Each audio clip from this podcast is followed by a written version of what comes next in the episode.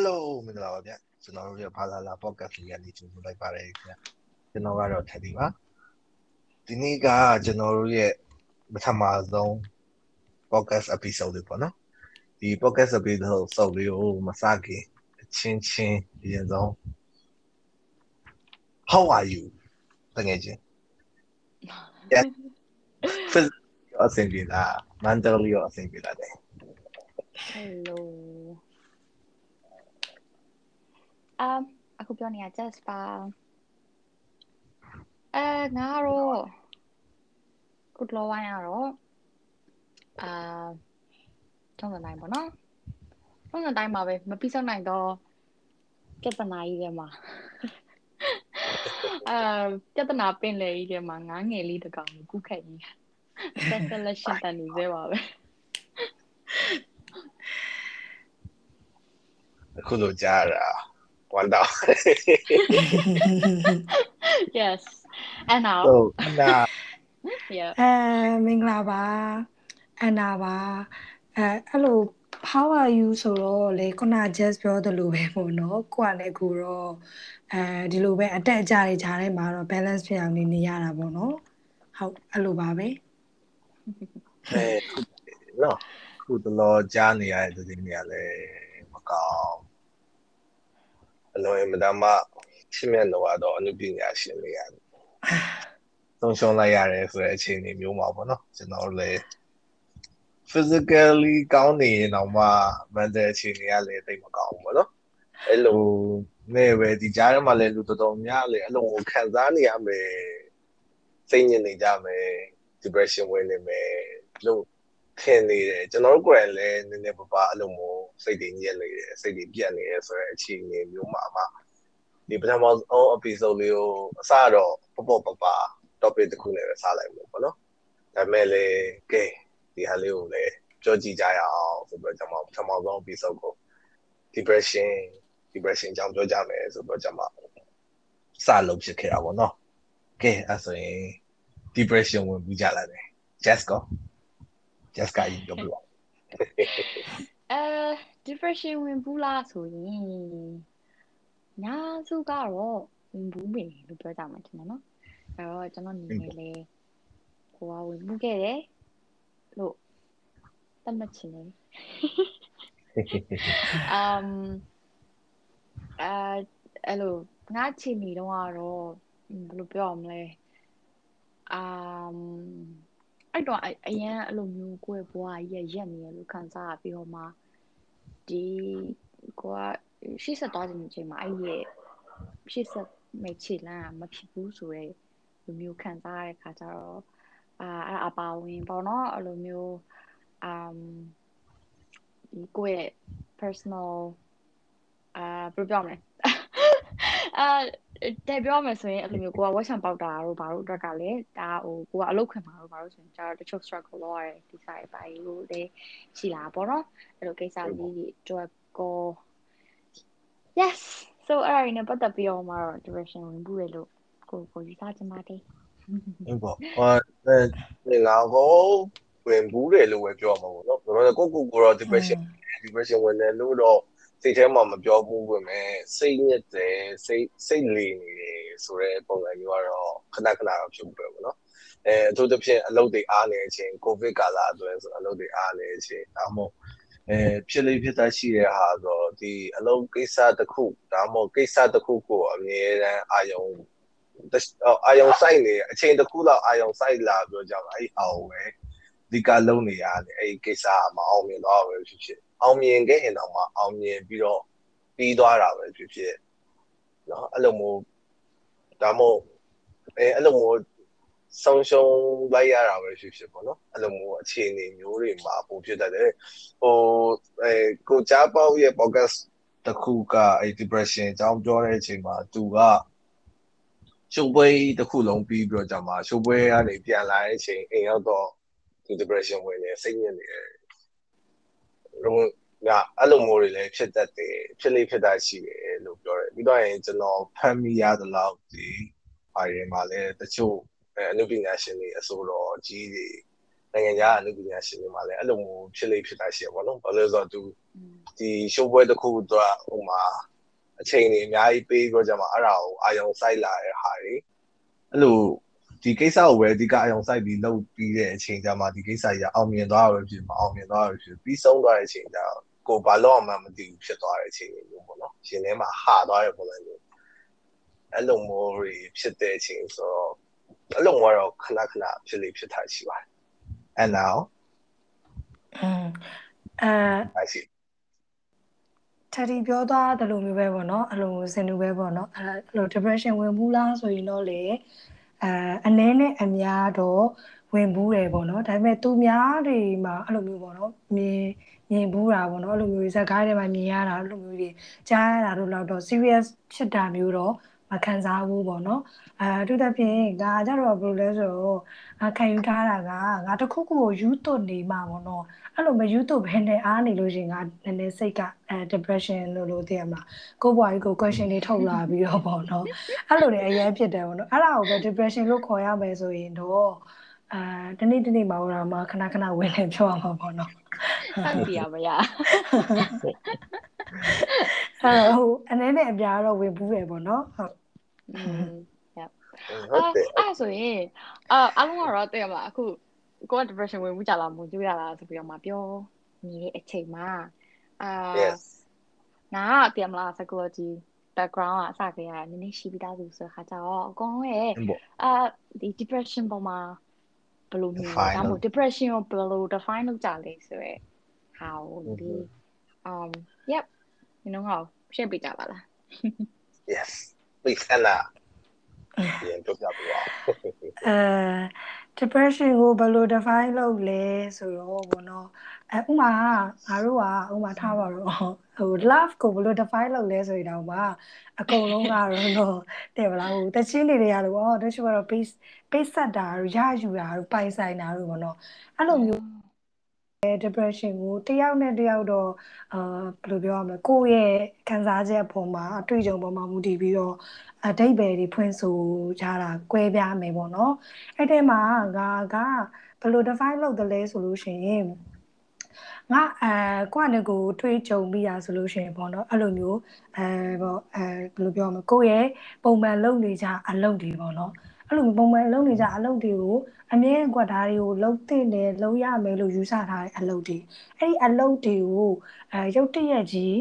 အဲ့ဒီလုပ်ကြီးတွေကိုစဉ်းစားပြီးတော့ဒီလုပ်တွေလုပ်နေတာဟုတ်ရောဟုတ်ရဲ့လား အတိတ်ပဲရောရှိရဲ့လားဘောလို့ငါဘာတွေလုပ်နေရလဲပေါ့နော်အဲအဲ့လိုမျိုးဟိုကိုကိုအရင်ကြီးပေါ့နော်လို့ question တွေထုတ်လာပြီပေါ့တကယ်တော့ဒါတွေကလုံးသိနေလို့ကိုအစကယူဆထားပြီးသားဒါပေမဲ့လုံးနေတဲ့အဲလမ်းခုလက်ကြီးမှာပဲရုပ်တရက်ကြီးပေါ့နော်လုံးနေတာဟုတ်ရောဟုတ်ရဲ့လားကိုတကယ်ရွေ့နေတာရောဟုတ်ရဲ့လားအဲအဲ့လိုမျိုးကြီးတွေပေါ့နော်အဲ့လိုမျိုးကြီးတွေးလာပြီဆိုလို့ရှိရင်တော့ကိုက depression ဝင်နေလို့ပေါ့နော်အဲ့လိုမျိုးလေးပေါ့နော်အဲ့လိုမျိုးတော့ယူဆမိရပေါ့နော်အဲ့လိုတော့ define လုပ်တယ်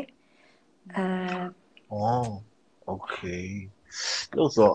အန်နာပြောသလိုပဲအန်နာခုနကပြောသလိုပဲအခုပြောတဲ့ဟာပေါ့နော်ဒီဟိုတခုခု passion လေးမဖြစ်တော့တဲ့အချိန်ကြရင်ဟို depression ဝင်နေဆိုတဲ့ပုံစံမျိုးပေါ့နော်အဲ့လိုမျိုးကအာငါကြတော့ဘယ်လိုမျိုးအချိန်တွေမှာဖြစ်လဲဆိုတော့အဲ့ depression ဝင်နေတဲ့အချိန်ဆိုတာ depression ဟိုဘယ်လိုတတိ တတိထားမိလဲဆိုတော့ငါကဘယ်လိုထင်လဲပေါ့နော်ဘယ်လိုထင်လဲဆိုတော့ depression ဝင်နေတဲ့အချိန်မှာကိစ္စ၃ခုဖြစ်မိတယ်ဗာလဲဆိုတော့ future ကိုကြိုးပြီးမတွေးကြတော့ future အတွက်လည်းဘာမှမလုပ်ချင်တော့ future မှာဘာပဲဖြစ်ဖြစ်ဆိုတော့စိတ်မျိုးဖြစ်တယ်နောက်ပြီးတော့ current လောလောဆယ် present ပေါ့နော်လောလောဆယ်ဖြစ်နေတဲ့အခြေအနေမှာလည်း passion လေးမရှိတော့ဒီ ဒါကြီးပဲငါလုံးနေတာ okay လုံးနေတာဒီ daily life ကိုဒီတိုင်းပဲဒီတိုင်းပဲကြော်ဖြတ်ပြီးတော့ကြောင့်မှလုပ်စရာရှိရလုံးအဲလုပ်ချင်လုံးလုံးလည်းမဟုတ်ဘူးမလုပ်ချင်တာလည်းမဟုတ်ဘူးလုပ်ရမှာမလို့လုပ်နေရဆိုတဲ့အခြေအနေမျိုးတွေရယ်နောက်ပြီးတော့ best အတိတ်ကိုပြန်ပြန်စဉ်းစားပြီးတော့စိတ်တူတာပေါ့နော်အဲအဲ့လိုမျိုးတုံး future ကိုမတွေးမတွေးမတွေးခြင်းဘူးမတွေးပြဘူး present ကို passionate မဖြစ်တော့ဘူး ပြီးတော့ရင် pass ကိုတွေးတာတွေးပြီးတော့စိတ်တူတယ်ပေါ့နော်အဲအဲ့လိုသုံးခုဖြစ်မယ်လို့ထင် အဲ့လိုအဲ့တုံးခုစုံသွားတဲ့အချိန်က depression ဝင်နေတဲ့ပုံစံပေါ့နော် อืม Mm, okay. Yep. Wow. Um ပြောမှဆိုရင်ဟိုအတော့ကအရင်စိတ်ဝင်စားကြကောင်းတော့ပေါ့နော်။ဘာဖြစ်လို့လဲဆိုတော့အာအာ psychology student ရောက်လေလို့ပြောရခါကြတော့အစီမံကြတော့တည်ရမလားဟို อืม ဒီ um အားလုံးနဲ့လည်း share ပြချင်တာကဘာလဲဆိုတော့ဒီ American Psychological Association APA ဆိုတဲ့အာဒီဟိုပေါ့အမေရိကဒီအကြီးဆုံးဒီ psychology မှာအကြီးဆုံးအဖွဲ့အစည်းပေါ့နော်အဲ့အဖွဲ့အစည်းရဲ့ depression ရဲ့ definition ကိုငါအားလုံးရှင်းပြချင်တာကွာอืมအဲသူတို့ကကတော့ depression ဒါမှမဟုတ်ရင်အာ major depressive order disorder ဆိုတဲ့ဟာကိုပေါ့နော် အဲ့ဒီယောဂါကသူကဘလို့အတိတ်ပဲဖွင့်လဲဆိုတော့သူကကိုယ့်ရဲ့အတွေ့ကိုယ့်ရဲ့စဉ်းစားတဲ့ပုံစံကြီးကိုယ့်ရဲ့အပြုအမူတွေကမကောင်းတဲ့သဘောအဲဒါမှမဟုတ်အပြတ်သဘောရောက်စေတဲ့အရာဖြစ်တဲ့ယောဂါကိုသူကဒီ depression လို့ခေါ်တာပေါ့နော်အဲ့ဒီဟာကစိတ်ပိုင်းဆိုင်ရာနေမှာမကဘဲနေသူကရုပ်ဝတ္ထုပိုင်းဆိုင်ရာပါသူကထိခိုက်နိုင်တယ်အဲ့ဒါကဟိုရုပ်ဝတ္ထုပိုင်းဆိုင်ရာဆိုတာဒီ physical ပေါ့နော် အဲ့လိုမျိုးပုံစံကြီးဒီပါကိုသူကထိခိုက်နိုင်တယ်လို့သူကအဲယူဆရယ်ပြီးတော့ကိုယ့်ရဲ့စွမ်းဆောင်ရည်ကိုလည်းကြဆင်းစေနိုင်တယ်လို့သူကယူဆထားတယ်ပြီးတော့ depression ရဲ့လက္ခဏာတွေမှာဘာတွေပါမလဲဆိုတော့အာချို့အရာတွေကတော့အားလုံးလည်းသိပြီးသားပါအာဝန်ရည်ဒီစိတ်တကြနေတဲ့အဲဟိုပေါ့ mood တွေဖြစ်နေတဲ့ဟာတွေဒါမှမဟုတ်ရင်ဒီကိုစိတ်ဝင်စားခဲ့တဲ့ဟာတွေဒါမှမဟုတ်ရင်ကိုပျော်ရွှင်ခဲ့တဲ့အရာတွေ အဲ့ဒါကိုကိုကပျော်ရွှင်စွာလုပ်ခဲ့တဲ့အရာတွေပေါ့နော်အဲ့ဟာတွေကိုကိုကစိတ်ဝင်စားရတာတွေနောက်ပြီးတော့အစားအသောက်ပုံစံပြောင်းလဲတာတွေပြောင်းလဲတော့အဲ့လိုဝါတာတွေပိန်တာတွေအာအပြောင်းလဲမှုမြန်တာတွေဒါမှမဟုတ်ရင်အိတ်မပြောတာဒါမှမဟုတ်ရင်အလွန်အမင်းအိတ်တာအဲ့ဒါကလည်း depression ရဲ့ sign တစ်ခုပဲပြီးတော့အာရင်မရှိတာအာရင်မရှိဘူးလို့ကိုယ်ခံစားရတယ်နောက်ပြီးတော့အရန်ပင်ပန်းနေလို့ခံစားရတယ်ဆိုတာဟာလည်းတူတူပဲဒါကတော့ငါခုနပြောခဲ့တဲ့ဒီရုပ်ဝတ္ထုပိုင်းဆိုင်ရာကိုကအဲထိခိုက်တယ်ဆိုတာဟာမျိုးတွေပေါ့နော် ပြီးတော့သူများကတတိထားမိလောက်အောင်ကိုကိုကအငြိမနေနိုင်တာဒါမှမဟုတ်ဘာပဲလုပ်လို့အဲ့လိုနှိကွေးနေတဲ့ဟာဒါမှမဟုတ်ကိုကိုကိုတန်ဖိုးမရှိဘူးလို့ခံစားရတဲ့ဟာပြစ်ရှိရလို့ခံစားရတဲ့ဟာ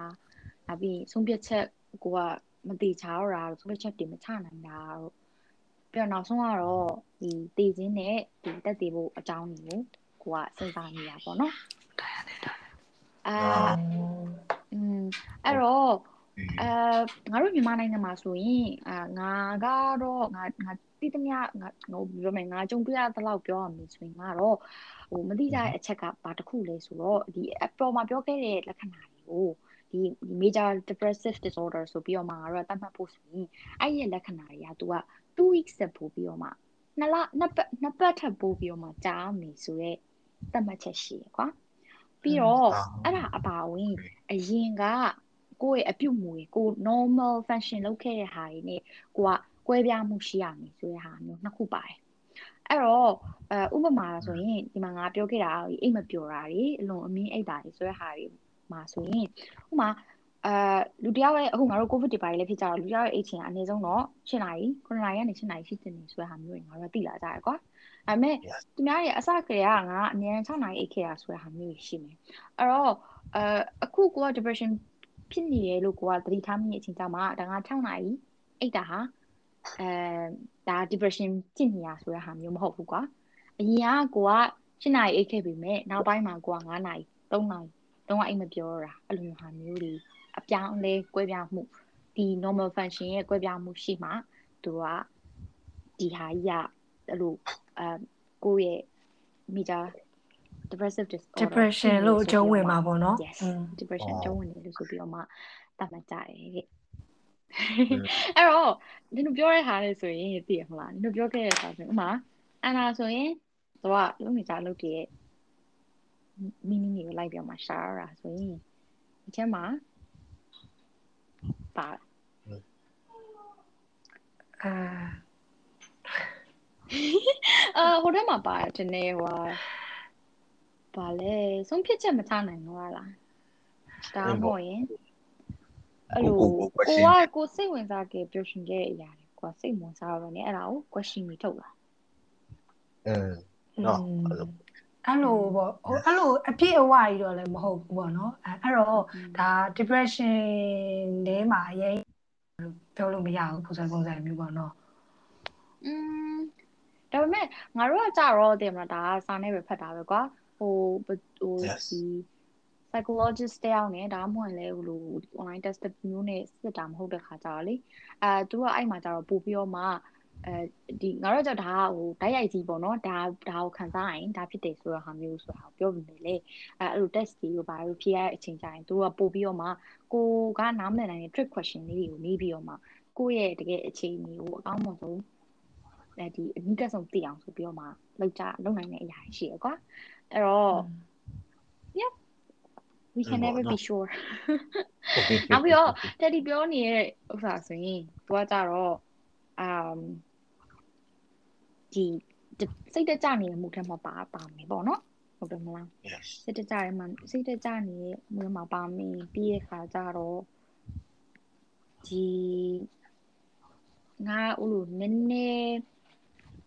အပြစ်ရှာရဲအပြစ်ရှိရဲ့ပုံစံမျိုးအပြစ်ရှာရဲ့ပုံစံမျိုးလိုမျိုးလေငါတွေ့ရတယ်လို့ထင်တယ်နော် อืม อืม तू ကအတိတ်ကိုမကျေနပ်တာဆိုတော့ဗောနော် อืม ဟုတ်ပေါ့ yep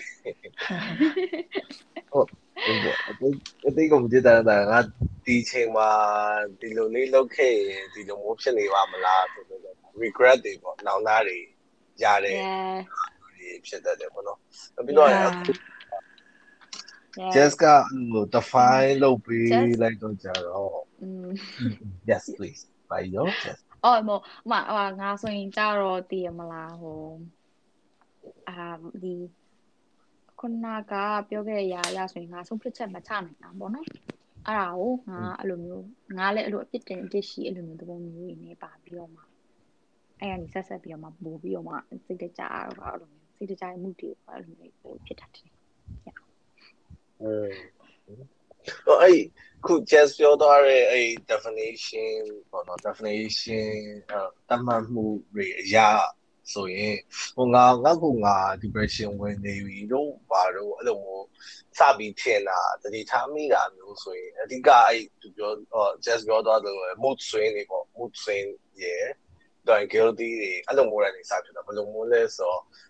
အဲဘာမဆို စိတ်တူလွယ်လာတာပေါ့နော်စိတ်တူလွယ်လာတာပြီးတော့ရင်အဲတယောက်ယောက်ကကိုယ်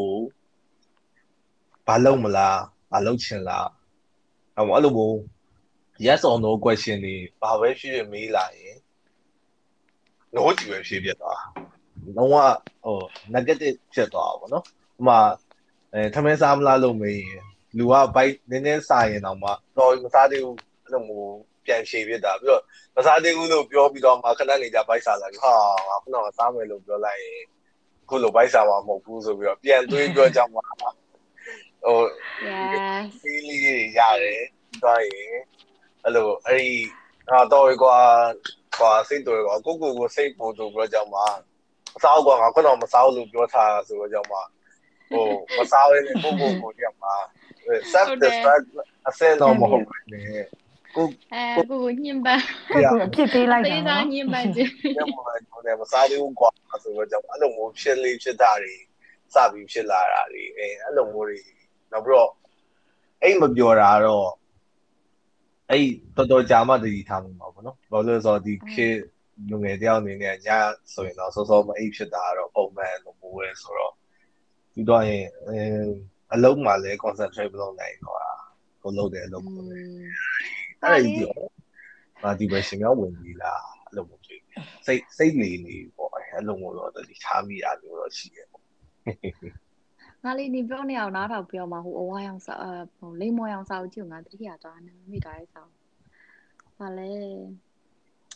မမီသေးလားပါလေဘာလဲ Oh, seven Guillaume habits Site နဲ့ဟောဟောဟော Oh, Guillaume Site နဲ့ပညာ Okay. The art of uh blah blah blah ပေါ့နော် အဲ့အဲ့တော့ဆိုရင်အာဒီဟာလေငါတို့ရဲ့အဲ့လိုမျိုးငါတို့အဲ့ငါတို့ရဲ့စိတ်အလုံးလုံးတဲ့ပုံစံဟောအဲ့လိုမျိုးလုံးဝ perfect description ယူထားခြင်းကအဲ့ဟာ ဖတ်ပြီးအရင်ကြီးစင်တာအရင် relate လုပ်ရရတယ်တိလားအာညီတို့ရဖတ်ဘူးလားဟဲ့ကံပတ်ဘူးဟုတ်လားအဲ့ငါအမနီကတဘိုးလုံးလုံးမဖတ်ဘူးကွာတဘိုးလုံးကြောက်လည်းနည်းနည်းပင်ပန်းနေလို့ခံစားရတယ်အဲ့မှာငါအစားဖတ်တဲ့အချိန်မှာငါတို့အဲ့တပုဦးအဲ့လိုမျိုးဖြစ်ကြတဲ့ဟာပဲငါလည်းအရင်ဖြစ်တယ်လားထက်ဒီငါလုံးဝငါလည်းတပုဦးပဲအဲ့ဟာကြီးလဲနေပြောမှလေနောက်တစ်နေ့ကျအမနာနိုးလာပြီးတော့မှအဲ့တည်းမှာကွာတော့လိုက်ထလိုက်ထရောက်ရောက်သားတဲ့ဟာကျအဲ့လှုပ်တယ်လို့ဘေးနာလူဖြတ်ချောက်လဲတော့လိုက်ထ ပြီးလေအဲ့လိုဟို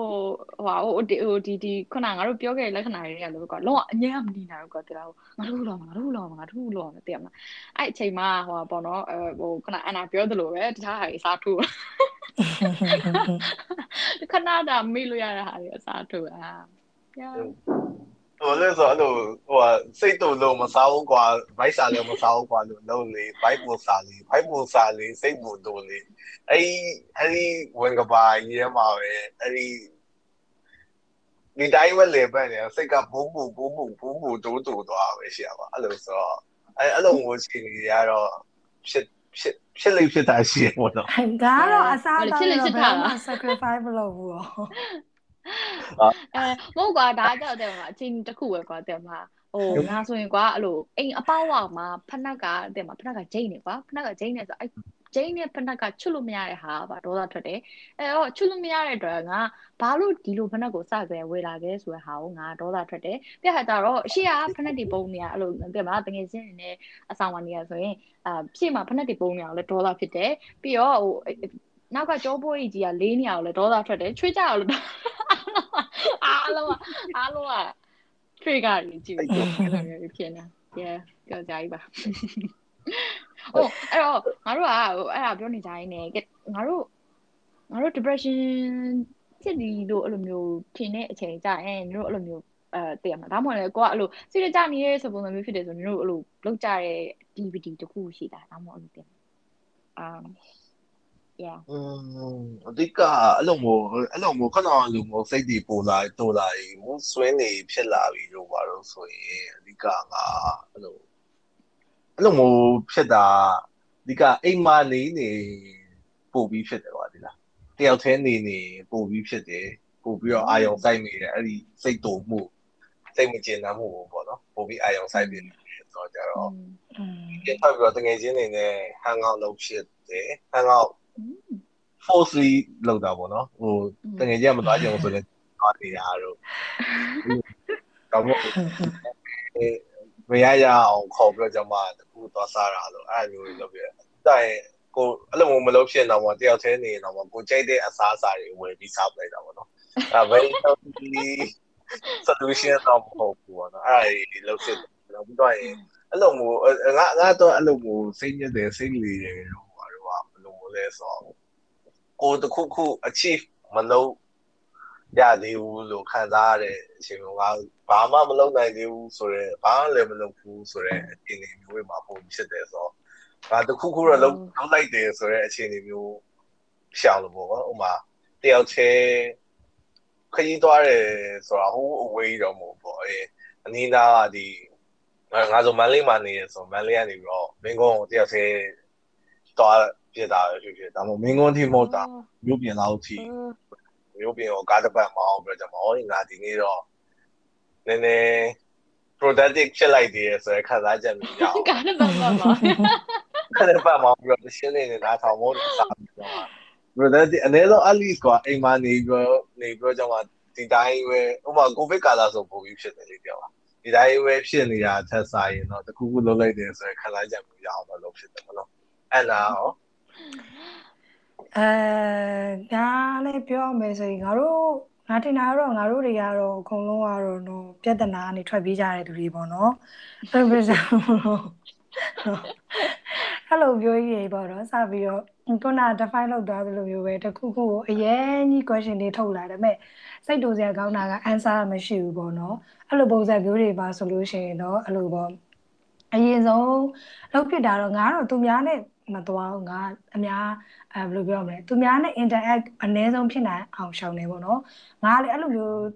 ဖြစ်တဲ့အချိန်မှာတယောက်နဲ့တွေ့လို့ရှိရင်အမားပါသွားတတ်တယ်ပေါ့နော်အဲ့လိုမျိုးကြောင့်ကိုယ့်အနေကိုနေတာများတယ်အဲရင်ဆုံးတော့သချင်းနားထောင်တာမျိုးတွေလုပ်တယ်အဲ့ဘယ်လိုဇက်ကားတွေကြီးလိုက်တာတွေလုပ်တယ်နောက်ပြီးအဲ့လိုစားတယ်ပေါ့နော်အိတ်တာတော့မအိတ်သေးဘူးပေါ့နော်အဲ့လိုမျိုးလေး အဲအများပြင်တော့ကိုယ့်နဲ့ကိုယ်တော့တယောက်တည်းပဲနေနေလိုက်တယ်ပေါ့နော်နေပြီးတော့ခေါင်းမှာတော့တခြားဟိုလမ်းလွှဲလိုက်တယ်ပေါ့နော်ကိုကိုကိုအာယုံပြောင်းလိုက်တယ်ပေါ့နော်အဲ့လိုမျိုးနေပဲထပ်ပေါက်ရှာတယ်ပေါ့နော်ငါ Yes ကက Jessica အေးငါကဘာလုပ်လဲဆိုတော့နင်တို့နှစ်ယောက်ရဲ့ compilation ငါဘာလုပ်လဲဆိုတော့ငါအဲ့လိုမျိုးအာတတိလိုမျိုးငါလည်းအဲ့လိုမျိုးကိုယ့်ကိုယ်ကိုယ်ကိုပြစ်တင် ပြစ်တင်ပြီးတော့ဘာလုပ်လဲဆိုတော့ဘာမှမလုပ်အဲ့လိုမျိုးတတိဆိုတက်တက်တက်တက်ကပတ်မောင်းပြောမှာသူ protective ဖြစ်လိုက်တယ်ဆိုတော့ဟာမျိုးသူကအဲ့လိုသူသူကိုသူသူဟိုကလုပ်လိုက်တယ်ကွာအဲ့ဆိုရင်ငါဘာမှမလုပ်ဘူးငါလုပ်ချင်တဲ့ဟာပဲဆက်လုပ်တယ်အဲ့လှုပ်ချင်တဲ့ဟာလည်းဘာလဲဆိုတော့အဲ့ခုနအနာပြောတဲ့ distraction အာယုံပြောင်းနေတာအခုလက်ရှိပြဿနာကနေပြီးတော့မှကိုယ်အာယုံပြောင်းပြီးဟာအကုန်လုံးလုပ်တယ်လုပ်ပြီးအပြစ်ရှိရဲဒါပေမဲ့အပြစ်ရှိရဟာကိုလည်းဘာမှဆက်မလုပ်ဘူးအပြစ်ကိုယ့်ကိုပြစ်တင်တယ် အာတရားမလားလောအရန်အရန်ကိုတရားမဒီနေ့ရောက်တဲ့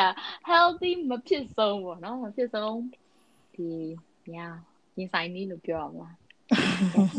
အဲ့ကြခါကျတော့တရားမလားအဲ့လိုလေးအာ yes နောက်တော့ဆိုအဲ့လိုမျိုးဘတ်စကားပေါ်မှာအဲ့လိုသချင်းသားထောင်တာကွာလေလို့လူကခြေထောက်နဲ့မြေကြီးနဲ့မထိဘဲနဲ့တရားမှာမျောပြီးတော့မှအဲ့လိုမျိုးရေးဒီပါဖြစ်ပြီးတော့မှ um yes ငါအဲ့ဒီပါပေါ့နော်ငါခုနပြောပြလို့ပဲဟိုငါအစအိုးသချင်းသားလုံးဝနော်အဟိုအရန်ရန်ကိုအဲ့လိုသူများတွေကဟိုအစကလေးကွာငါရဲ့ basic ကငါဟိုဟာနားထောင်နေဆိုရင်ငါဟိုဟာကိုပဲနားထောင်တာကွာအာဒီဗာလဲအဲ့လိုဒုံဒုံဒုံဖြစ်တဲ့တခြင်းတွေဆိုရင်ငါမကြိုက်ဘူးမကြိုက်တဲ့ခါကျတော့အဲ့ ballad ballad ပါ ballad ပဲနားထောင်တယ် ballad ကိုမှအဲ့လိုမသိမှာအဆွေးတခြင်းတွေဆိုပြီးနားထောင်တာအောင်မှာ အဲ့လိုအချိန်ကြီးဆိုရင်ဘယ်လောက်ထိပိုဆိုးသွားလဲဆိုတော့တင်မှာဟို Lana Del Rey ရဲ့အရင်တော့အမောင်နဲ့တခြင်းတွေတို့အာ yes like လုံးဝအမောင်နဲ့ချင်းနောက်ပြီးခါကျတော့အဲ့ဟွာပေါ့နော်ငါကြောက်ကွာဟိုကိုယ့်ရဲ့ seat တစ်ခုရရှိရပေါ့နော်အဲ့ဒါကတော့ငါအဲ့ဒီငါတည်ချင်းတရားအကြောင်းကိုငါစဉ်းစားပြီးမြင်တယ်ငါတက်တည်ဖို့အကြောင်းကိုလုံးဝစဉ်းစားတော့ကွာဒါငါရဲ့နောက်ဆုံး limit လို့ငါအမြဲသတ်မှတ်ထားဆိုတော့အဲ့ဒါတစ်ခုကတော့ကောင်းတာပေါ့နော်ဒါပေမဲ့ကြံတဲ့ဟာတွေကတော့သိရမလားငါအဲ့လို အဲ့လိုသိရမလားတချင်နေရလဲအဲ့လိုအဲ့ဘက်ကိုရောက်တယ်အဲ့လိုအရန်ကွာအရန်ထူးဆန်းစရာကောင်းတာ YouTube ကလည်းကိုယ်အဲ့လိုတချင်းတွေပဲ recommend လုပ်တယ်ကိုကလည်းအဲ့လိုချင်းတွေပဲအဆင်ပြေဟိုအဲ့ဒါကိုကိုယ့်ရဲ့ဘို playlist တွေပေါ်မှာမူတည်ပြီးတော့ဗောနော် recommend လုပ်တယ်ငါငါဆိုလဲအဲ့လိုအချိန်မှာနားထောင်တဲ့ playlist ကတစ်ခုသက်သက်ရှိရသေးလားဟုတ်လား yes ဒါအဲ့ဒါတော့ please နေမရှင်နဲ့လား yes တဲ့လေပါတောင်းနဲ့တောင်းနဲ့ playlist တွေဟော yes ဂျိုးကြီးရဲ့ဘာ slow dancing in the dark တို့ပါတော့လုံးဝပြီးရင်ပါလေလာဒရီရဲ့အာဘာအခုအလင်းဝင်တော့တိတ်တော့နားမထောင်ပြီးတဲ့ချင်းပါပါပါလေးအော်သူမိသားနဲ့ပြတ်သွားတဲ့အကြောင်းဆိုထားတာဒါပေမဲ့အဲ့ဒီတော့မြတ်တော့မှလို့ဒီမှာပြန်လီးရလို့မြောက်အောင်ပြောမှလည်းလိုမျိုးဟော yes မတည်ရကြီးတော့လွမ်းပြီးတော့ကြောင်းပါ yes အမလေးဟုတ်ပါဒီကွာလားဒါလည်းအဲ့လိုမျိုးပုံတော့အဲ့မူထဲမှာပို့ပြီးကြိုက်နေတဲ့အဲ့ဒါပါဘောလားအဲဟုတ်တယ်အဲ့လိုမျိုးပေါ့နော်ဘယ်လိုပြောမလဲ ဟိုစိတ်ကဟိုဘယ်လိုပြောမလဲစိတ်ညစ်နေလို့ဆိုပြီးတော့စိတ်အားတက်စရာတခြင်းနားထောင်နေလို့တော့မဟုတ်ဘူးပေါ့နော်အဲ့လိုစိတ်ကိုပို့ပြီးတော့ဟိုပေါ့နော်ကြသွားစေမဲ့တခြင်းတွေလိုပဲပြောရမှာငါအဲ့လိုမျိုး playlist ကိုစုထားရတော့အဲ့လိုအဲ့ playlist ကိုပဲငါနားထောင်နေပေါ့နော်အဲ့လိုအဲ့လိုမျိုးရရှိအဲ့လိုစိတ်ကိုစိတ်တက်သွားလို့နားထောင်တာမဟုတ်ဘူးအဲ့လိုမျိုးပေါ့အဲ့အချိန်မှာဘလို့မှလည်းနားထောင်လို့မရဘူးကွာတိလာငါတော့ကလေ ငါတော့ကဘလို့လဲတော့မသိဘူး yes no ငါငါလေလုံးဝနားနီးနိုင်နီးလာကွာတိလာအဲ့ဟိုဟာလေးနားထောင်လိုက်မှလုံးဝ in peace ဖြစ်သွားအဲကွာနေကွာမျောဟိုငါငါကအဲ့လိုမျိုးအခြေအနေမျိုးမှာနားထောင်ပြတဲ့ဟာမျိုးငါငါရဲ့ကို ultimate goal ပေါ့နော်ဖြစ်ချင်ဆုံးကိစ္စတစ်ခုကလည်း super super rich ဖြစ်ချင်တာဒါမှမဟုတ်အဲ့လိုမျိုး ရှင်မိုက်ချင်တာဆိုအဲ့လိုမျိုး mood တည်ကြနေတဲ့အချိန်စိတ်ညစ်နေတဲ့အချိန်စိတ်လီနေတဲ့အချိန်ဆိုအဲ့လိုဟိုငါကွာဆိုတဲ့တခြင်းမျိုးတွေပို့ပြီးတော့နားထောင်နေတယ်ဟိုမှာဟို post to be တော့ Chris Chris Brown ဖြစ်တယ် Chris Brown လားอืม over ဟိုဟိုအဲ post to be တော့ပြီးတော့ရင်ဟိုအဲ Bruno Bruno Mars ရဲ့ အာ billionaire လားဘယ်လဲလဲအဲကဲဘယ်ဆိုအဲ့ဒီတရှင်တော့တော့ bro ဟိုအဲ့လိုတော့ bro အဲ့လိုဆဲရတယ်တရားပါတယ်ဟာဟိုဟာအမီနာရဲ့ like the whole universe ပါတယ် I'm not afraid တော့ဒါရင်အပီဟိုက်ရဲ့ဘုံဟိတ်တာရောအဲ့ဒါမျိုးတွေနားထောင်ပြီးတော့အဲ့တချင်းတူတူလိုက်ဆိုပြီးရှင်းဆဲဆဲရဆိုရှင်းတဲ့ lyrics ကပါဆဲရဟိုက်ပါဆိုတော့အဲ့ဒီနဲ့ထောင်တော့ပါဆိုဖြစ်တော့ကြောင်းပါ မဟုတ်အဲ့ဒီရှင်းနေပုံပြီးနားထောင်ပြတယ်ပုံမှန်လည်းအဲ့ဒီရှင်းကနားထောင်တာဆိုအဲ့ဒီရှင်းသက်ပြီးနားထောင် Oh, uh, yeah, different mood, right? different playlists here. So, oh nice yeah, Yes. no one. အဲအဲ့ဆိုရင်ငါတို့တောက်ရောက်ဆောင်ရတယ်အသက်ကအကျွေးတူပဲပေါ့နော် millennials လို့ပြောတယ် millennials ဒီမှာမ စပြောကြမှာအဓိကပို့ပြီးတော့ဖြစ်လာဒီဒီ depression ဆိုတဲ့ကိစ္စကလည်း millennials စီကြမှာပို့ပြီးတော့တတိထိုင်ထားမိတယ်ပို့ပြီးတော့ကြတော့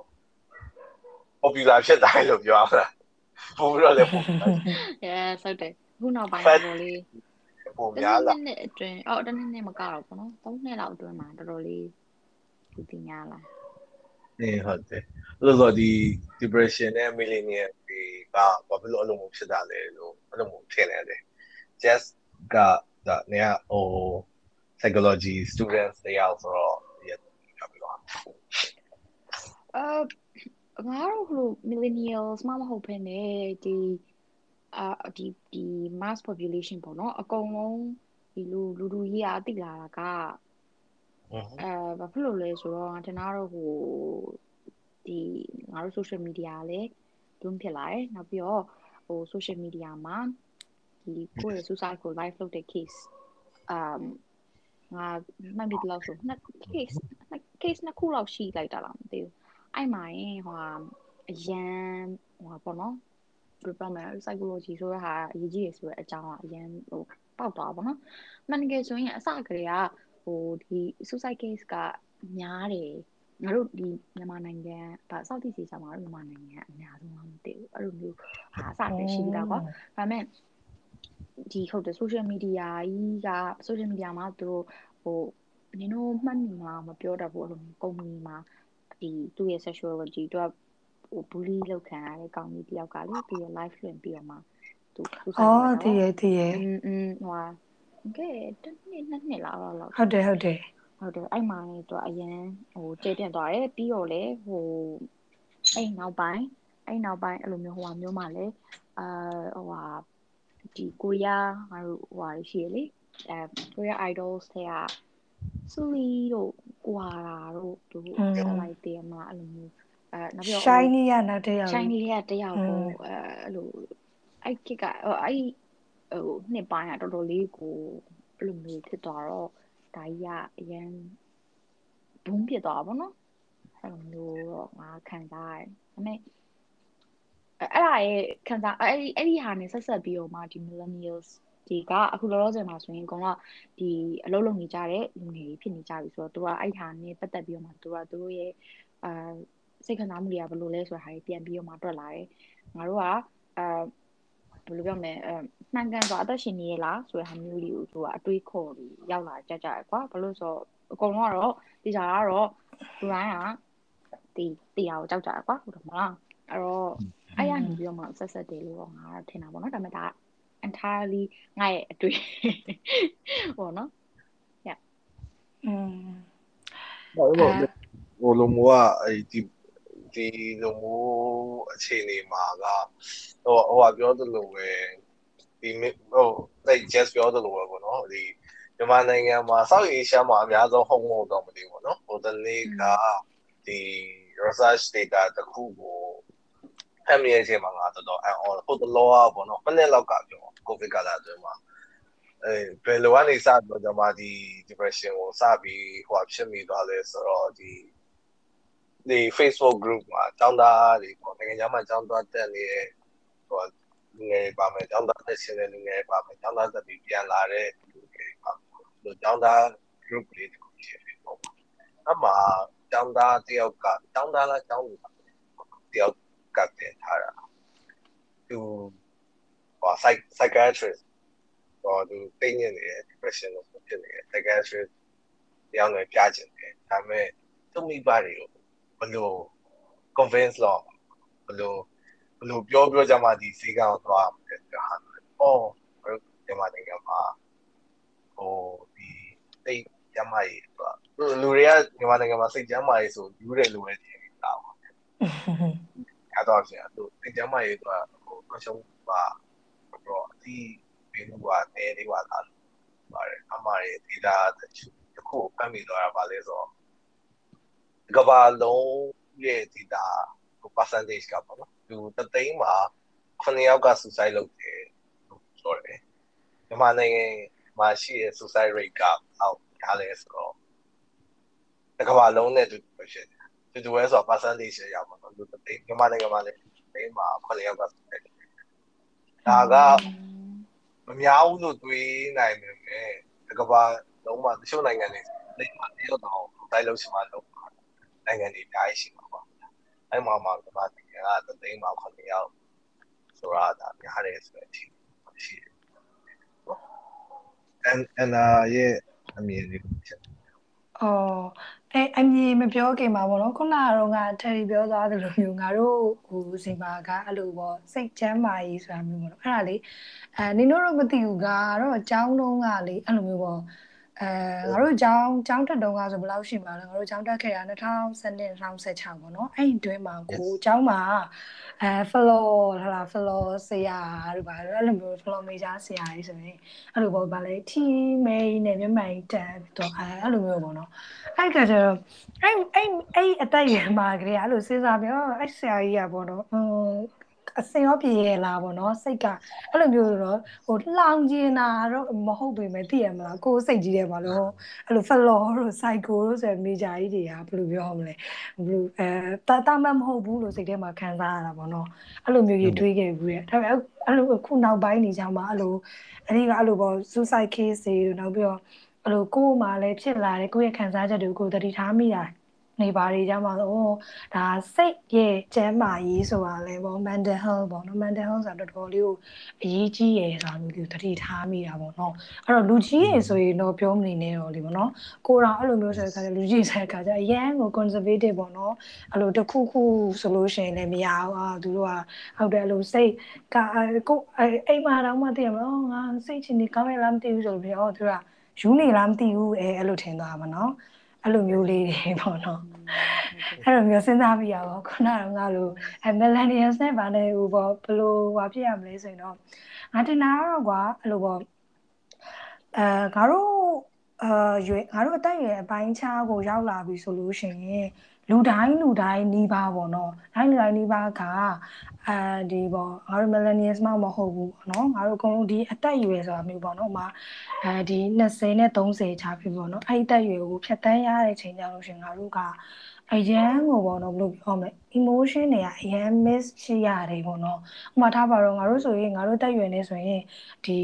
အဲဒီ education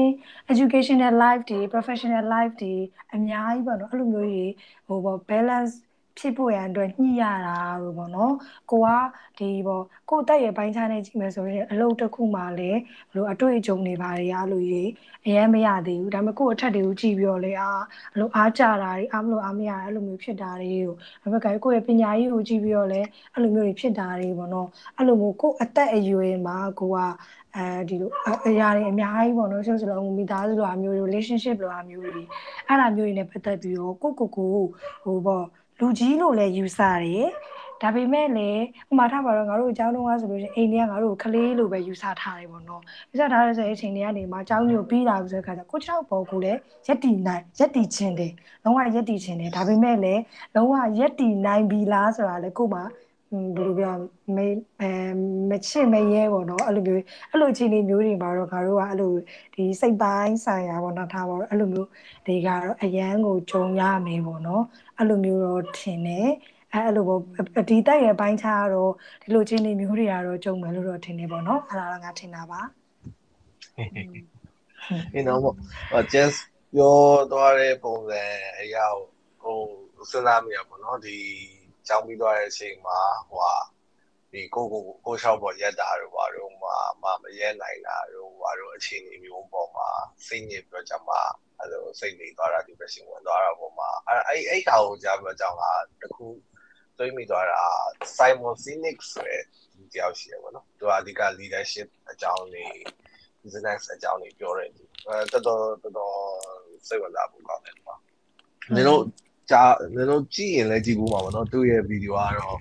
အဲ့အဲ့ millennials အကြောင်းနဲ့ပတ်သက်တဲ့ဗီဒီယိုတွေပြီးတော့ start with why ဆိုတဲ့ဗီဒီယိုတွေအဲ့ဗီဒီယိုကတော့နာမည်ရှိသေးတယ် YouTube မှာ Facebook မှာခဏခဏဟောဖြစ်တယ်အဲ့သူပြောထားတာကတော့ depression တခုတည်းတော့မဟုတ်ဘူးပေါ့နော်ဒါပေမဲ့သူပြောထားတဲ့ဟာတွေရမမလာ depression ဘယ်လိုဝင်လာလဲဆိုတဲ့ဟာကိုဒီဘက်အဲ့ဘက်အချမ်းလေးတွေးပြီးတော့じゃအဓိကဒီအချက်၄ချက် millennial စေပေါ်မှာမူတည်တဲ့အချက်၄ချက်ကိုတွားတွေ့ရပါတော့ပထမဆုံးအချက်က parenting parenting ရှိမယ်သူတဲ့အချက်က technology technology နဲ့ဆက်ဆက်ပြီးတော့တတိယချက်နဲ့စုပ်တဲ့ချက်က ambition ဖြစ်မှာရယ်ပြီးတော့ကိုယ့်ရဲ့ environment ဖြစ်မှာပေါ့နော်อืมအဲ့လိုဆိုပထမဆုံးချက် parenting ကဘယ်လိုဖြစ်လဲဆိုတော့အဲအာအဲ့ဒါပြောသွားသလိုပဲငါတို့မိဘတွေ ငါတို့အုပ်ထိန်းသူတွေကငါတို့ကလေးလိုပဲထင်တယ်ကလေးလိုပဲထင်တယ်အခုငါတို့မိဘတွေမဟုတ်ရင်တော့မှများတော့ဖြစ်အခုဖြစ်မိဘတွေอ่ะပေါ့နော်တော်တော်များကိုယ်ကလေးတွေကိုအရန်ချစ်ပြီးတော့ကြမှာအရန်အရန်လိုလိုက်တယ်ဆိုတော့ဖြစ်စေချင်တာပေါ့နော်ဖြစ်စေချင်တာဆိုဘာဖြစ်ဖြစ်ရစေရမယ်မင်း ဒီဟာလိုချင်တာဒီဟာပေါ်ပြီမယ်ဒီဟာလိုချင်တာဒီဟာပေါ်ပြီမယ်အဲ့လိုမျိုးဖြစ်တဲ့ parenting style နဲ့အဓိကသွားနေကြတာပေါ့နော်ဒီကိုမိဘကကိုတာကိုချစ်လို့အရာရာပြည့်စုံခြင်းတဲ့ပုံစံမျိုးနဲ့သွားခဲ့ရတာဟုတ်ပါတချို့နင်တို့တဲမှာရှိမလားတော့ဒီငါတို့တဲမှာတချို့ငါတို့ကျောင်းမှာတော့ဆိုတချို့ကဆိုရင်ဒီအမှတ်ကလေးတစ်မှတ်နှစ်မှတ်လျှော့တာတော့မှကိုတာကအစ်စ်နေသွားတာတော့ အမရော့သွားတော့ဘာလို့ဆိုရင်တော့မှဆ iam မရှိကိုလာပြီး complain လုပ်တဲ့ပြီးပါတယ်တချို့ရှိရပါတည်းမှာอืมအာဒါဘာလို့ဒီဒီအမက်ကဒီလိုမျိုးဖြစ်နေတဲ့ဟာကိုဒါအမမလျှော့အောင်လေလို့ဘာလို့ပြောမှာသူတာအမတ်ပြေမရတာတော့အစင်ကြသွားတာတော့ဘာလို့ဆိုတော့ဆ iam ကိုလာပြီး complain လုပ်တဲ့အခြေအနေမျိုးတွေရှိရဆိုတော့ဟိုကလေးအနေနဲ့อ่ะဒီကိုအမှန်တကယ်ကိုကတကောစာလုပ်ပြီးတော့ကျွန်မအစင်တက်ရမယ်အမှတ်ယူရမယ် ဆိုတဲ့အခြေအနေမျိုးကိုကိုကိုအားမကိုမိတော့မယ်နဲ့မိမိဘကိုအားကိုမိတဲ့အခြေအနေမျိုးဖြစ်သွားပါဘောအဲ့လိုအခြေအနေမျိုးမှာမှဒိန်ကြောင်းလဲပြီးတော့အလုတ်ခွင်နဲ့ဝင်ဆိုတော့မိဘမိဘကကိုယ့်အတွက်အလုပ်ရှာမပေးနိုင်တဲ့အခြေအနေအများကြီးရှိတာပါတော့ပြောမှာအဲ့လိုအခြေအနေမျိုးမှာအော်ငါအသုံးဝင်ဘူးလားငါတကယ်ပဲအသုံးချလို့လားဆိုတဲ့ပုံစံမျိုးတွေဖြစ်လာမျိုးတွေရှိတယ်အဲသူသူသူရဲ့ပြောရဲ့အခြေအနေရပါတော့သူရဲ့ပြောတော့မှစဉ်းစားပြီးတာ နောက်တစ်ခုက technology technology အရာဆိုရင်နင်တို့ဖြစ်ဘူးလားမသိဘူးငါကစိတ်နေနေညံ့နေပြီပြင်းနေပြီ lonely ဖြစ်နေပြီဆိုတဲ့အချိန်တွေမှာ active ဖြစ်နေတဲ့လူမျိုးကိုရှိတယ်ပေါ့အဲ့ဒီဆရာမှာ9ယောက်6ယောက်လောက်ကို hi hi hi hi hi hi hi လို့ပြောလိုက်ပေါ်တာဘာလို့ဆိုတော့အဲ့လူတွေရှိကဟို reply ရရင်ပျော့တာပါသိလား ဟောငါ့ကိုစကားပြောချင်ကြလားဆိုတဲ့စိတ်ကလေးနဲ့အဲ့စိတ်ဖြစ်သွားပြီးတော့မှပြောတာဆိုတော့အဲ့တော့တခုခုဆိုရင်လေအဲ့အဲ့ဒီ technology ကလည်းစိုးစိုးရလို့လည်းပြောအောင်ပေါ့အဲ့ technology ကနေပြောရတဲ့ effect ခံစားချက်ကဟိုငါ high လို့ပြောလိုက်ရင်ဟိုဘက်ကနေပြီးတော့ high reply ပြန် ရတဲ့အချိန်မှာဖြစ်တဲ့ခံစားချက်ဒီထဲမှာဖြစ်သွားတာ dopamine ဆိုတဲ့ that တစ်ခုပေါ့နော် that တစ်ခုဖြစ်သွားတယ်အဲ့ dopamine ကဘယ်လိုအခြေအနေမျိုးမှလည်းဖြစ်လဲဆိုတော့အရက်တောက်တဲ့အချိန်စေးတုံးတဲ့အချိန်อืมနောက်ပြီးတော့လောင်းကစားလုပ်တဲ့အချိန်မှလည်းဖြစ်တယ်ဆိုလိုတာအရန် edit ဖြစ်တယ်ကွာဒီလားအရန် edit ဖြစ်တယ်ဆိုတော့ငါတို့တခုစိတ်ညစ်နေပြီဆိုရင်ဒီ hi hi hi hi ကိုပြောလိုက် ဟိုးအဲ့9ယောက်6ယောက်လောက်ထဲမှာတယောက်2ယောက်လောက်ကတော့ blind ကန်ဟိုပြန်ပြောကြမှာဟို စေးတုံးလိုက်ရတယ်လို့တင်ပါဟိုရင်းထားဆိုကျွန်မစေးအရန်တော့စေးအရန်တုံးခြင်းနဲ့လူတော့မဟုတ်အရန်မတော့ရသေးလို့လက်တွေတုံးနေလူကအရန်တော့လိုက်ရတဲ့ခံစားချက်မျိုးဖြစ်သွားပါပြီလားအဲ့လိုမျိုးတွေကလည်းကောင်းတဲ့အခြေအနေတော့မဟုတ်ဘူးเนาะပြီးတော့ကိုကစိတ်ညစ်နေတယ်စိတ်မပြောတော့စိတ်လီနေတဲ့အချိန်ဆိုရင်ကိုယ့်ရဲ့ အနီးနားမှာအခင်ဆုံးလူတငယ်ချင်းထားမဟုတ်မိသားစုကိုမပြောဘဲနဲ့ကိုဥပမာနင်တို့ဆိုရင်တော့မသိဘူးငါရဲ့ friend list ထဲမှာဆိုရင်ဆယ်ရာခိုင်နှုန်းလောက်ကတော့ငါငါနဲ့အခင်ဆုံးလို့ပြောလို့မရဘူးเนาะဆယ်ရာ okay လူအယောက်တစ်ထောင်ရှိရဆိုလူအယောက်ငါရဲ့ Facebook friend list ထဲမှာလူအယောက်တစ်ထောင်ရှိရဆို100လောက်ကတော့မှအဲစကားပြောလေးပြောထားရှိရတယ်ဟုတ်ဘူးပေါ့နော်အဲ့ဒီ စကားပြောလေးပြောထားရှိရလူမဟုတ်တဲ့လူတွေကိုစိတ်ညစ်နေရဆိုပြီးတော့တွားပြီးပြောလိုက်တာအဲ့ချိန်မှာမှအော်လူတွေက like ပေးရတယ်ဟို carry ရလေးပေးရတယ်တော့မဟုတ်အဲ့လိုမျိုးအခြေအနေတွေမှာတော့မှဘယ်လိုဘယ်လိုပြောရမလဲဆိုတော့ satisfaction ရတာပေါ့နော်ကိုဒီအခြေအနေစိတ်ညစ်နေတဲ့ဟာကိုကိုယ့်ရဲ့တကယ်အခြေအနေဟိုဟာကိုမပြောင်းမနဲ့မပြောဘဲနဲ့ကိုယ့်ရဲ့ လုံးဝမသိတဲ့လူတွေကိုတွားပြောကြမှာအားကိုးမိတဲ့အခြေအနေပေါ့နော် technology ကဒါအရန်စိုးတာတော့မဟုတ်ဘူးတစ်ချိန်လုံး Facebook သုံးနေတဲ့လူတွေက depression ပို့ပြီးဖြစ်လိဖြစ်ထရှိရဲဆိုတော့ငါတို့အကောင်အောင်သိတဲ့အခြေအနေပေါ့ပေါ့နော်ဆိုတော့သူတို့ကလည်းငါတို့လည်းစိတ်ညစ်နေတဲ့အချိန်ဆိုစိတ်ညစ်နေရလို့တင်တဲ့အခါနေရင် စိတ်ညစ်နေတဲ့အချိန်ဆိုငါကွာဒီမှာခီးလေးသွားလိုက်ပြီးရင်ဘာညာကွာပျော်နေရတော့ဟာတာဗီဒီယိုလေးတော့တင်လိုက်တာငါတို့လည်းမဟုတ်သူတို့ကလည်းအဲ့လိုမဟုတ်အဲ့လိုဆိုကိုကိုယ်တိုင်စိတ်ညစ်နေရဆိုရင်သူများပျော်နေဆိုဟာပျော်နေကွာပျော်နေကြတယ်ပျော်နေကြတယ်ပျော်နေကြတယ်ဆိုပြီးတော့တွေးမိပြီးတော့ပို့ပြီးတော့စိတ်ညစ်လာတဲ့အခြေအနေမျိုးတွေရှိလေးရှိထားရှိတယ်လို့ပြောတော့နောက်ပြီးတော့တတိယအချက်ကကြတော့ impatient technology နဲ့ပွားဖြစ်ပြီးတော့ impatient ဖြစ်လာဘူးအဲ့ တော့အရင်တော့ကလူမဟုတ်တော့ဘူးဒီ covid ကာလမှာတော့ကောင်းရင်ကောင်းတယ်ပေါ့ဗောနော်အရင်တော့အိမ်တစ်ခုအိမ်တစ်ထည်ဝယ်ဖို့ဆိုရင်စတိုးဆိုင်လေးကိုလိုက်လိုက်လိုက်လိုက်ရှာတော့ကျွန်မ shopping ထွက်ပြီးတော့ကျွန်မအော်ဒီအိမ်ကအဲ့နဲ့ဒေါ်လာဝယ်ကြည့်တယ်မတော်ဘူးဟာဆိုတော့ပြန်ဆိုင်တော့ပဲဝယ်ကြည့်အာတော်တယ်ကြိုက်တယ်ဒါပေမဲ့ဈေးကကြီးနေအဲ့ဆိုတော့ပြန်ဆိုင်တော့မယ်အဲ့လိုမျိုးသွားတော့မဟုတ်ဘဲနဲ့ Facebook ပေါ်မှာတိတိတိတိ online မှာရှာပြီးတော့ကျွန်မဝယ်လိုက်တယ်ပြီးတော့ချက်ချင်းရောက်လာတယ်ချက်ချင်းမျိုးသွင်းမှာဆိုရင်တော့တရက်သွင်းရောက်လာပြီမဲ့ဟို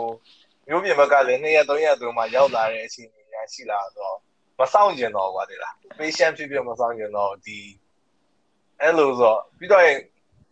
နင်းနင်တို့လည်းမင်္ဂလိဆို shopping ထွက်တာကြိုင်းတယ်ပါဘောနော် shopping ထွက်တာကြိုက်တဲ့လူတွေဆိုရင်ဒီအင်တစ်ထည်ရဖို့တော့ဆိုင်၅ဆိုင်လောက်ပဲရှာပြောကြမှာ ဒီရလိုက်တဲ့အင်ကြီးဟိုပို့ပြီးတော့ကြမှာကြိုက်ပြီးတော့ satisfy ဖြစ်ဖြစ်လားဒါမှမဟုတ် online ကနေပြီးတော့ခလုံးနှစ်ချက်နှိပ်ပြီးတော့ကြမှာဝယ်လိုက်တဲ့အင်ကြီးကပို့ပြီး satisfaction ဖြစ်လာပါတော့ပို့ပြီးတော့ကိုကိုကိုကျင့်တတ်မိတဲ့အခြေအနေမျိုးတွေလည်းရှင်းရှင်းပါပေါ့ဟုတ်အဲ့တော့အဖြစ်ကတော့အဲ့ technology နဲ့ပတ်သက်ပြီးတော့ကျွန်မ impatient ဖြစ်လာနေတော့စိတ်ညစ်လာတယ် depression ဝင်လာတယ်ဖြစ်တယ်။နောက်ပြီးတော့ခဏတော့ပြောလို့ environment ပေါ့နော်။ ကိုရဲ့ပတ်ဝန်းကျင်ကတကယ်ချင်းနဲ့တူတူဖုန်းသွားမုံသွားဆိုင်တော့မှဖုန်းမဲထိုင်ကြည့်နေကြတယ်တော့။တူတူရှေ့မှာမြင်တဲ့ရှင်းဆိုင်ထိုင်နေလူစကားပြောရင်းနဲ့ဟိုအဝေးရလူကို hello သွားလို့ဖြစ်နေကြဆိုတော့ environment ကလည်းငါတို့အဲ့ဒီ millennial ဒီခေတ်လူငယ်တွေတော့အချိန်ကြီးအရင်အဆင်မပြေတဲ့အခြေအနေမျိုးမှာဆိုတော့ depression ပိုပြီးဖြစ်တယ်လို့ပါထင်တယ်ပေါ့နော် ကြောက်နေ just อืมအော်မအော်နီပြောရရတကယ်ဟို millennial stage ဒီအခုဖြစ်နေကြတဲ့လူတွေအများကြီးပဲပြဿနာတွေပေါ့နော် Yep. Alright. Yeah. yes Okay. Um. Yeah. အမ်အဲ့ဆိုရင်ငါတို့ရဲ့ podcast လေးရလေအာတနာဤမိနစ်50လောက်တော့ရှိသွားပြီဆိုတော့ပေါ့အဲ့လိုဆိုတော့ ငါတို့အချင်းချုံပြီးတော့ ending လေးပဲပြောကြအောင်လားတဲ့အာခုနကပြောရလေအဆက်ဆက်ရှိတော့တတိပဲဆက်ပြောလိုက်မလားပါပြီးတော့အော် okay ဟုတ်ဟိုအခုဒီမင်းတို့ပြောတာရောနားထောင်ငါငါကိုယ်တိုင်ပြောတာရောငါ့ဘာငါပြန်ဆန်းစစ်ပြောကြောင်မှစဉ်းစားမိသွားတာစဉ်းစားမိသွားတာရေပြီးတော့ဟိုလွန်ခဲ့နှစ်လ လွန်ခဲ့၄လ၅လလောက်ကနားထောင်နားထောင်မြင်လာ TV မှာမြင်လာလား podcast ပဲနားထောင်မြင်လာဗီဒီယို YouTube မှာနေပဲကြည့်နေသွားလာပါလားမသိဘူးအဲ story လေးတစ်ခုကိုတွားတည်ရတယ်ပေါ့နော်အဲ story လေးတစ်ချက်ပြောပြမယ်နော်။ဘာလဲဆိုတော့အမှလူတယောက်ကလမ်းလျှောက်လာနေနေကောင်မလေးတယောက်ကတက်တိုင်ပြီးအောင်မှာတက်တိုင်အောင်မှာပစ္စည်းတစ်ခုခုရှာနေအောင်တွေ့ရလို့ဆိုတော့အဲ့လိုအဲ့ကောင်မလေးကိုမေးဘာရှာနေရလဲဆိုတော့ တော့ပြောက်လို့လိုက်ရှာနေတယ်တော့ပြောက်လို့လိုက်ရှာနေဆိုတော့အဲ့တက်တိုင်အောင်မှာလိုက်ရှာတယ်ပေါ့အဲ့လိုဆိုအဲ့လိုထပ်မိအောင်ဒီနားလေးမှာပျောက်သွားတာမဟုတ်ဘူးတဲ့ဟိုရှိနားလေးကတက်ပင်အောင်မှာပျောက်သွားတယ်အဲ့လိုဆိုအဲ့ဆိုဘာဖြစ်လို့ဒီတက်တိုင်အောင်မှာလာရှာနေရလဲဆိုတော့တက်တိုင်အောက်ကမီလီယံလို့တယ်အဲ့လိုပဲအဲ့တော့လည်းအခုအမှန်တကယ်ပြဿနာ depression ဝင်စေတဲ့အဓိကပြဿနာတွေစိတ်ညစ်စေတဲ့အဓိကပြဿနာတွေကိုမရင်ဆိုင်မဲနဲ့ အဲ့တော့တာယာတဲ့ပုံပြီးတော့လင်းနဲ့မုံစားတာတို့တကယ်ချင်းနဲ့ဟန်ကောက်လုပ်တာတို့အောက်ကိုပို့ပြီးတော့ပဲအာအာကုန်းပြီးတဲ့အခြေအနေမျိုးတွေရှိရပါတော့အဲ့ဒါမျိုးတော့ပြင်ရမယ်လို့ထင်တယ်လေနင်တို့ဘယ်လိုမြင်တော့လဲ yes မမလေးဒါပေမဲ့အအရေးကြီးတာတစ်ခုကဘာလဲဆိုတော့ငါကအဲ့လိုကောင်းမလေးတယောက်ကိုတွေ့ရဆိုရင်ငါတရေဆိုပြီးမပြေးမှာတေးချတယ် อ๋อโอเค အေးလေနော်ညာကြီးမှာဗာမေးဖို့နေပါရေးရေးစရာမလို yes yes အဲ့လိုမျိုးကုန်းကုန်းကုန်းကုန်းတက်တက်အောင်မှာကောင်းမလေးတယောက်ဆိုရင်အဲဟိုပါပေါ့နော်အဲသမီးရှိစပိုးဆိုးရအဲသွားပြီးတေးကြပြီငါတော့ပြေးပြီပေါ့အဲဒီလိုမျိုးဆိုရင်လည်းဇလန်းဆက်လို့မရတော့ဘူးလေ yes Disney princess တို့ဗာလဲဗာ Jingo ဗာ protagonist တို့ဗာဘာမှပြမှာမဟုတ်လားဟိုဝေကနေတက်ရှောက်တော့ပါ yes ဖြတ်ချပထမအဦးဆုံးတည်တာအဲ့လိုအမျိုးလေးအဲ့ဒါဟုတ်တယ်အမ်အဲ့တော့အဲ့လိုပေါ့တန်းစီပြောတာပေါ့နော်အမ်တက်ဒီပြောတာပြောတ က်ဒီပြောအဲ့လိုမျိုးအဲ့လိုပေါ့အဲ့ story တိုင်းပဲပြောရမယ်ဆိုရင်တော့ခုနကတော့ကငါတို့ပြောခဲ့တာတွေကိုဟိုလိုပေါ့နော်ခြုံငုံကြည့်လိုက်မယ်ဆိုရင်ငါတို့တွေအဲပေါ့တယောက်နဲ့တယောက်ကတော့ဟောဘောနော်ဒီဒီ depression ဆိုတာမျိုးကြီးကို define လုပ်တာမတူဘူးတချို့အတွက်ကြတော့လေအဲဘောနော်ငါထင်တာဘောနော်ဥမာတယောက်ယောက်ဆုံးရှုံးသွားတာဘောနော်တစ်ခုခုဆုံးရှုံးသွားတယောက်ကိုဆုံးရှုံးသွားတာကို depression လို့သတ်မှတ်ကောင်းသတ်မှတ်မယ်ဘောနော်တချို့ကြတော့လည်းဥမာငါဖြစ်တယ်လို့မျိုးပဲကိုဘွားကြီးကို question တွေထုတ်ပြီးတော့ငါဘာကြောင့်တက်ရှင်နေရလဲပဲအဲ့လိုမျိုးကြီးတွေနဲ့အဲအဲ့လိုအချိန်မှာ depression လို့သတ်မှတ်သတ်မှတ်ပဲပေါ့နော်ဒါပေမဲ့ဘလို့ပဲအဲ့လိုသတ်မှတ်သတ်မှတ်ပေါ့နော်အဲငါတို့ကဥမာကဆုံးရှုံးသွားတဲ့အရာဆိုလို့ရှိရင်လည်းငါတို့ကဒီဟာကြီးကိုငါတို့ကဘယ်လိုပြောရမလဲပြန်ပြီးတော့အဲရမရနိုင်တော့ဘူးပေါ့နော်အဲ့တော့ကကျတော့ငါတို့က ဘလို့အခြေအနေမျိုးပါပဲဖြစ်ဖြစ်ဘလို့အကြောင်းအကြောင်းမျိုးပဲကြောင့်စိတ်သက်ပဲချက်ကြငါတို့ကဟိုလိုပြော move on လုပ်ရမယ်ပေါ့ကွာဒီနေရာကြီးမှာငါတို့ရက်နေလို့မရတော့အသေးချာပဲပေါ့လေနော်အဲ့အတွက်ကြောင့်မလို့ငါတို့ကအဲပေါ့ဒီ solution တစ်ခုကိုဟိုပေါ့မရှာနိုင်သေးချိန်မှာတော့ငါတို့လုပ်ခဲ့တဲ့တိတ်ပြီးတော့အဲဘယ်လိုပြောမလဲ healthy လည်းမဖြစ်ဘူးအရင်ကြီးလည်းဘယ်လိုပြောအရင်ကောင်းလည်းမကောင်းတဲ့ ပေါ့နော်အဲ့လိုမျိုးထွက်ပြေးနည်းတွေနဲ့တော့ထွက်ပြေးလို့ရတယ်ပေါ့နော်ဒါပေမဲ့လည်းအချိန်တည်းရင်အဲ့လိုထွက်ပြေးလဲခဏပဲပေါ့နော်ထွက်ပြေးလဲဒီပြဿနာပျောက်သွားမှာမဟုတ်ဘူးပြန်ပြီးတော့ပေါ်လာမှာပေါ့နော်အဲ့လိုမျိုးချိန်အဲ့လိုမျိုးချိန်တွေအတွက်ဆိုရင်လေကိုကအဲဒီဒီတန်တရားကြီးထဲမှာပဲလည်နေမလားဒါမှမဟုတ်ကိုဆက်ပြီးတော့ပဲရှေ့ဆက်မလားပေါ့နော်ဥပမာငါပြောရမယ်ဆိုရင်ငါလေအဲငါက တခုရှိရငါမှချင်းတခုဘာလဲဆိုတော့ငါအဲ့လိုပေါ့အကိုအရင်တော့ငါကိုကလှုပ်ချင်ခဲ့တယ်ဆိုတဲ့အရာပေါ့နော်လှုပ်ချင်ခဲ့တယ်ဆိုတဲ့အရာရှိတယ်ဒါပေမဲ့အဲ့လိုပေါ့လှုပ်တင်တယ်ဆိုတဲ့အရာကြီးကို ရွေးချယ်လိုက်ပြီးတဲ့ခါကျတော့အဲ့လှုပ်ချင်တယ်ဆိုတဲ့အရာကြီးကပဲစိတ်ထဲမှာရှိနေတာပေါ့နော်အဲ့ပြီးတဲ့ခါကျလှုပ်တင်တယ်ဆိုတဲ့အရာကြီးကိုနောက်ပိုင်းကျတော့လှုပ်ရင်းလှုပ်ရင်းလှုပ်ရင်းနဲ့ဟိုလိုညီးငွေသွားတာတွေပါရှိရဲအဲ့အချိန်မှာလည်းလှုပ်ချင်တယ်ဆိုတဲ့အရာကြီးကလှုပ်ချင်နေတော့မယ်ပေါ့နော်အဲ့လိုမျိုးစကားကျတော့ဒါကဘယ်လိုပြောရမလဲဒီလိုကမဖြစ်သင့်ဘူးပေါ့နော်မဖြစ်သင့်ဘူးအဲ့လိုပုံစံမျိုးပေါ့နော် အဲပြောချင်တာကတော့အဲပြောရမယ်ဆိုရင်တော့ဒီပေါ့ဟိုဘလို့ချီဒီမျိုးပါဖြစ်ကိုက move on လုပ်ရမယ်ပေါ့နော်အဲ့လိုမျိုး solution ကိုကိုကလည်းကိုတော့ force လုပ်ပါပေါ့နော် force လုပ်ပြီးတော့အဖြေကိုတော့ရှာပေါ့နော်ရှာပြီးတဲ့ခါကျတော့ဒီတန်တရားကြီးထဲမှာပဲမဝဲတဝဲလည်းလည်းမဖြစ်နေဘူးကတော့ကိုအတွက်ကတော့အရေးကြီးရယ်ပေါ့နော်နောက်တစ်ခုကကျတော့အာ live in the present ပေါ့နော်အဲ့လိုပေါ့ လက်ရှိမှာပဲအသက်ရှင်နေထိုင်မှာပေါ့နော်ငါတို့တွေအများဆုံးဖြစ်နေတာငါနေလို့နေရခုနကပြောသွားသလိုမျိုးတော့ငါငါအဲ့လိုပေါ့အတိတ်ကိုတော့ငါအရန်ကြည့်တတ်တာမဟုတ်ငါဒါပေမဲ့ငါအနာဂတ်ကိုအရန်ကြည့်ရပေါ့နော်အဲ့လိုငါအနာဂတ်ကိုကြည်လုံးွားကြည်လုံးငါအရန်ပင်ပန်းနေပေါ့နော်အဲ့လိုမျိုးတွေအဲ့လိုမျိုးတွေဆိုတဲ့ခါကျတော့အဲ့အိမ်မှာဒီအနာဂတ်ဆိုတာယူပဲမျောမျောပြီးတော့ကြည့်နေတဲ့အတွက်ကြောင့်မို့ဒီဖြစ်စုံပန်ဆိုတာယူ ကကိုကပြစ္ဆုတ်ပံမှာမနေထိုင်နေတော့ဘူးပေါ့နော်အဲ့ဒါကြောင့်မလို့လေသူများတွေထဲပေါ့နော်အဲ့လိုပို့ပြီးတော့ ပင်ပန်းရတယ်လို့လည်းခံစားရတာပေါ့နော်နောက်ပြီးအဲ့လို depression ကိုတတ်မှတ်ထားတဲ့ depression ဆိုတာမျိုးကြီးလဲခဏခဏဝင်တယ်လို့လည်းကိုကိုကိုခံစားရတာပေါ့နော်ကိုကဒါလုံးတင်တယ်လို့ယူဆနေတဲ့လုပ်တွေကိုဟိုမိကုန်းနေထုတ်တယ်ဆိုတာလဲဒါဘယ်လိုပြောရမလဲဒါလုံးဝမယ်ဆိုတာလဲသိရတာနဲ့မိကုန်းထုတ်တာပေါ့နော်ဒါကတော့ငါအနာဂတ်ကျိုးအရင်ညှို့ချိုးချီရပါပေါ့နော်ဒီပြစ္ဆုတ်ပံမှာကိုကိုကိုမချေနဲ့နေတာမျိုးတွေပေါ့နော်အဲ့လိုမျိုးတွေကြောင့်မလို့ပဲလို့တော့ငါယုံကြည်တယ်ပေါ့နော်အဲ့ကကျတော့အဲဒီပေါ့ အကုန်ဘလို့ချင်းဒီမျိုးပဲဖြစ်ဖြစ်တော့ဆက်ပြီးတော့ရွှေ့ရွှေ့ကြပါပေါ့နော်ငါကတော့အဲ့လိုမျိုးလေးတော့ပြောချင်တယ်အဲ့ဒါပြောတာလေးကိုနားထောင်ပြောကြမှာဟိုကုတ်လေးတစ်ခုကိုသွားတတိရတာပါလဲဆိုတော့လူတွေကကျယ်တွေကိုကြည်နေရင်လည်းကျယ်တွေကိုခံစားကြိုက်နေတယ်ကြည်နေရင်လည်းပေါ့နော်ကျယ်တွေကိုကြည်နေရင်လည်းဒီပြင်မှာရှိတဲ့ပန်းလေးတွေကိုခံစားဖို့မေ့နေကြတယ်ဆိုတာ လို့ဆိုအနာဂတ်ကိုကြည့်ဟုတ်တယ်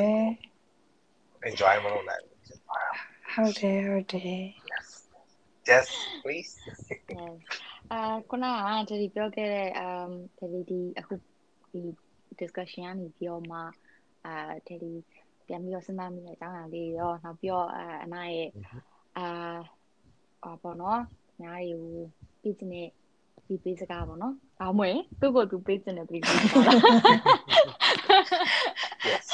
ကိုကိုကိုပြန်သုံးပါတယ်ကိုကိုကိုလည်းသုံးပါရင်သူများကလည်းကိုလိုမဖြစ်အောင်ပြောရင်ပေါ့ Yes အာ yes အဲ့လိုမျိုးလေးဟိုကြားရတာဒီ share ပေးရပါတော့။ဒီဒီတမလေးအာအဲငါအနေနဲ့ကကြတော့ဒီအားလုံးကိုပေါ့နော်အာ psychology ကျောင်းသားတယောက်အနေနဲ့ဒီ psychology ကဘာဆိုတဲ့ဟာမျိုးလေးကိုပို့ပြီးတော့သိချင်တဲ့စိတ်တင်နေဆိုတော့အာပထမဆုံးတကယ်လို့ကိုက depression ဒါမှမဟုတ်ရင်တခြားဒီ mental health နဲ့ပတ်သက်တဲ့အဲ့လိုအခက်အခဲတွေကြုံတွေ့နေရပြီဆိုရင်အာဒီ website ပေါ်မှာ Google ပေါ်မှာအာ test တွေအများကြီးရှိပါတယ်အာ depression test လည်းရှိရပေါ့နော်ဒါပေမဲ့အခုတော့ဆယ်အရာထီတော့ အာငါသိတဲ့လောက်ကတော့ English လိုပဲရှိသေးရယ်အာဒါပေမဲ့ still ပေါ့နော်ကိုကအမှဟို free ဖြေလို့ရမယ်ပြီးတော့အဲချက်ချင်း result တစ်ခုရမယ်ဆိုတဲ့ခါကျတော့လေအားလုံးစိတ်ဝင်စားမယ်ဆိုရင်အဲ့လိုမျိုးအာယုံကြည်ရတဲ့ website တွေဥမာအားဖြင့်ဆိုရင် nhs.uk ဆိုတဲ့ website ပေါ့နော်အဲ website ကနေပြီးတော့မှဖြည့်ကြည့်ဖို့တိုက်တွန်းချင်ပါတယ်အာဒုတိယအချက်အနေနဲ့ဆိုရင်ကတော့အာ ခုနကလိုပဲဒီ depression နဲ့ဘယ်လိုရင်ဆိုင်ရမလဲဒါမှမဟုတ်တခြားဒီ mental health ဟိုခက်ခဲတွေနဲ့ဘယ်လိုရင်ဆိုင်ရမလဲဆိုတဲ့ဟာမျိုးတွေကိုအာ website တွေအများကြီးอ่ะတင်ပေးထားကြတယ်တကယ်လို့ကိုကနဲ့ကိုအာကိုကတကယ်ကြီးကိုကိုရဲ့အာ functionality ကမတူတော့ဘူးကိုကိုရဲ့အခြေအနေကပြောင်းလဲလာပြီလို့ခံစားရတယ်ဆိုရင်အဲ့ဒါလေးကိုဖတ်ကြည့်ပြီးတော့မှအဲ့ဒီရဲ့အဲအဲ့ဒီကသူတို့ပြောထားတဲ့ဟာလေးကိုလိုက်လုပ်ကြည့်ဖို့ တိုက်တွန်းချင်ပါတယ်အဲ့ဒါဆိုရင်လည်းခုနကပြောတဲ့ NHS website ဒါမှမဟုတ်လဲ help guide ဆိုတဲ့ website ဒါမှမဟုတ် helpline ဆိုတဲ့ website အဲ့ဒီ website ဒီထဲမှာကြည့်ပြီးတော့မှအဲအဲ့ဒီထဲမှာပေးထားတဲ့သူတို့ရဲ့ suggestion လေးတွေကိုအရင်စူးစမ်းကြည့်ပါ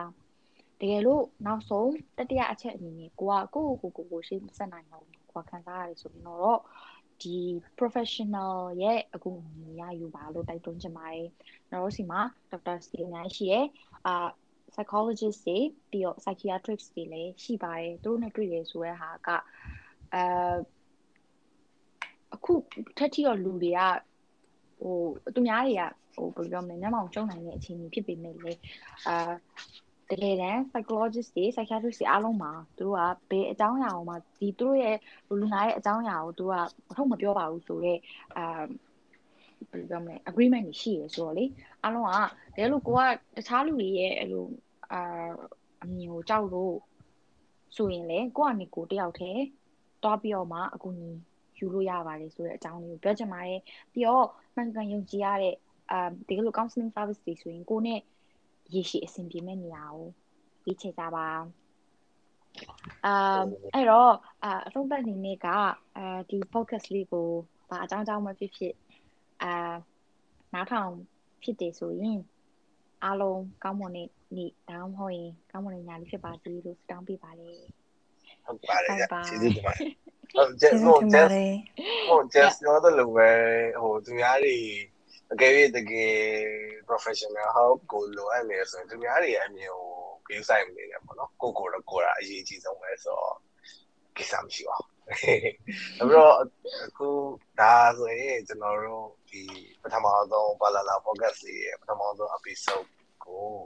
ဒီမှာပဲပြလိုက်ပါမယ်နော်ကျွန်တော်တို့နောက်နောက် episode တွေကိုလည်းအပတ်စဉ်တနင်္ဂနွေနေ့တိုင်းမှာ upload လုပ်ဖို့ကြိုးစားပါမယ်ခင်ဗျကျွန်တော်တို့ပြီးတော့အကယ်၍များကျွန်တော်တို့ကိုပြောစင်ပြောချင်တဲ့အကြောင်းအရာလေး suggestion လေးတွေ feedback တွေပေးချင်တယ်ဆိုရင် ဒီ Anchor ရဲ့ voice message မှာလည်းပေးနိုင်ပါတယ်ဒါမှမဟုတ်ကျွန်တော်တို့ balala podcast@gmail.com ကိုလည်း email ပို့ပြီးတော့ suggestion လေး feedback လေးပေးနိုင်ပါတယ်ခင်ဗျ